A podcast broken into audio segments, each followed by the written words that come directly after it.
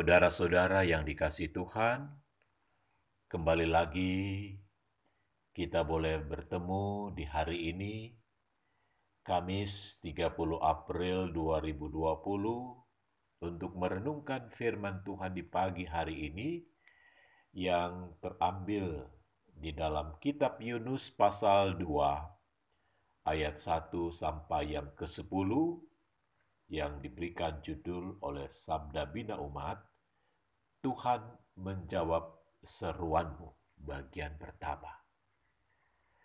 Saudara-saudara yang dikasihi Tuhan, ketika kita berada dalam lembah kekelaman, atau ketika kita ada di dalam masalah yang berat, sering kali kita bertanya kepada Tuhan, "Mengapa Tuhan hal ini bisa terjadi?" Tuhan, mengapa Engkau meninggalkan aku? Saudara-saudara yang dikasih Tuhan, ketahuilah bahwa ada kalanya Tuhan mengizinkan kita masuk ke suatu keadaan yang menurut kita sepertinya tidak ada harapan. Dan semua itu tentu dengan suatu maksud dan tujuan, yaitu untuk menguji kesetiaan dan iman kita. Karena itu, kita tidak boleh menyerah apalagi putus asa. Saudara-saudara yang dikasih Tuhan, saat berada di dalam perut ikan, Yunus tetap mengarahkan seluruh kekuatan dan imannya kepada Tuhan, dengan selalu tetap fokus kepada Tuhan. Dan ia berkata, ketika jiwaku letih lesu di dalam aku, teringatlah aku kepada Tuhan, dan sampailah doaku kepadamu ke dalam baitmu yang kudus. Yunus 2 ayat yang ketujuh. Jangan sekali-kali kita lari atau mencari pertolongan kepada yang lain, atau bersandar kepada kekuatan manusia, karena kita pasti akan kecewa dengan itu semua. Dan Alkitab pun menentang hal itu. Ketika tertulis di dalam Yeremia 17 ayat 5 dikatakan terkutuklah orang yang mengandalkan manusia, yang mengandalkan kekuatannya sendiri, dan yang hatinya menjauh daripada Tuhan.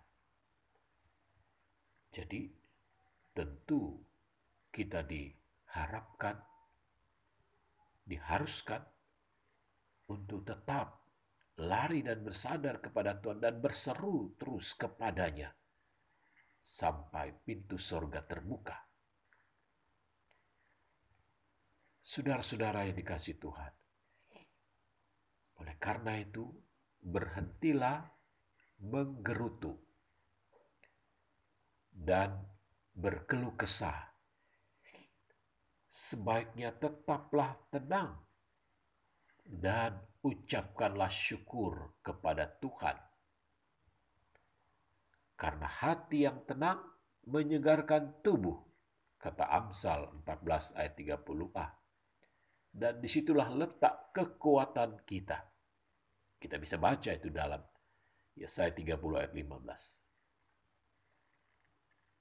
Secara manusia, tentunya Yunus sudah tidak memiliki harapan untuk bisa hidup kembali lagi.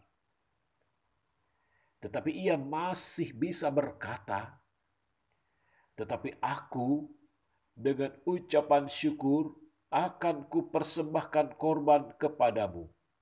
Apa yang kunazarkan akan kubayar. Keselamatan adalah dari Tuhan. Ayat yang ke-9.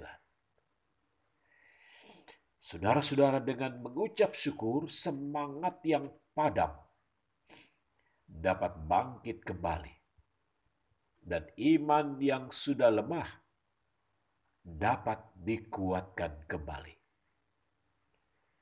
Ingat bahwa kuasa Tuhan tidak dapat bekerja apabila iman kita padam. Sekalipun manusia berkata itu mustahil, atau penyakitmu tidak akan sembuh, atau rumah tanggamu akan hancur, namun bagi kita selalu ada harapan dan jalan keluar di dalam Tuhan. Tiada sesuatu yang mustahil bagi Tuhan. Sebesar apa pun persoalan kita, Tuhan Yesuslah jawabannya. Sebagaimana Tuhan sanggup mengeluarkan Yunus dari dalam perut ikan seperti tertulis dalam ayat yang ke-10 di akhir nyanyian pujian Yunus ini lalu berfirmanlah Tuhan kepada ikan itu dan ikan itu pun memuntahkan Yunus ke darat. Saudara-saudara yang dikasih Tuhan, tentu dengan iman yang selalu tertuju kepada Yesus maka kita percaya juga bahwa Tuhan pun sanggup menolong kita saat ini. Ketika kita semua mungkin ada di dalam persoalan yang berat yang sedang kita hadapi. Karena itu, tetaplah terus menyerukan kepada Tuhan. Maka pasti Tuhan akan mendengar, menjawab, dan mengangkat dan mengeluarkan kita dari masalah yang sedang kita hadapi saat ini. Kiranya firman Tuhan boleh kembali menguatkan kita dan memberikan semangat baru di dalam kita menjalani kehidupan kita di hari ini. Amin. thank you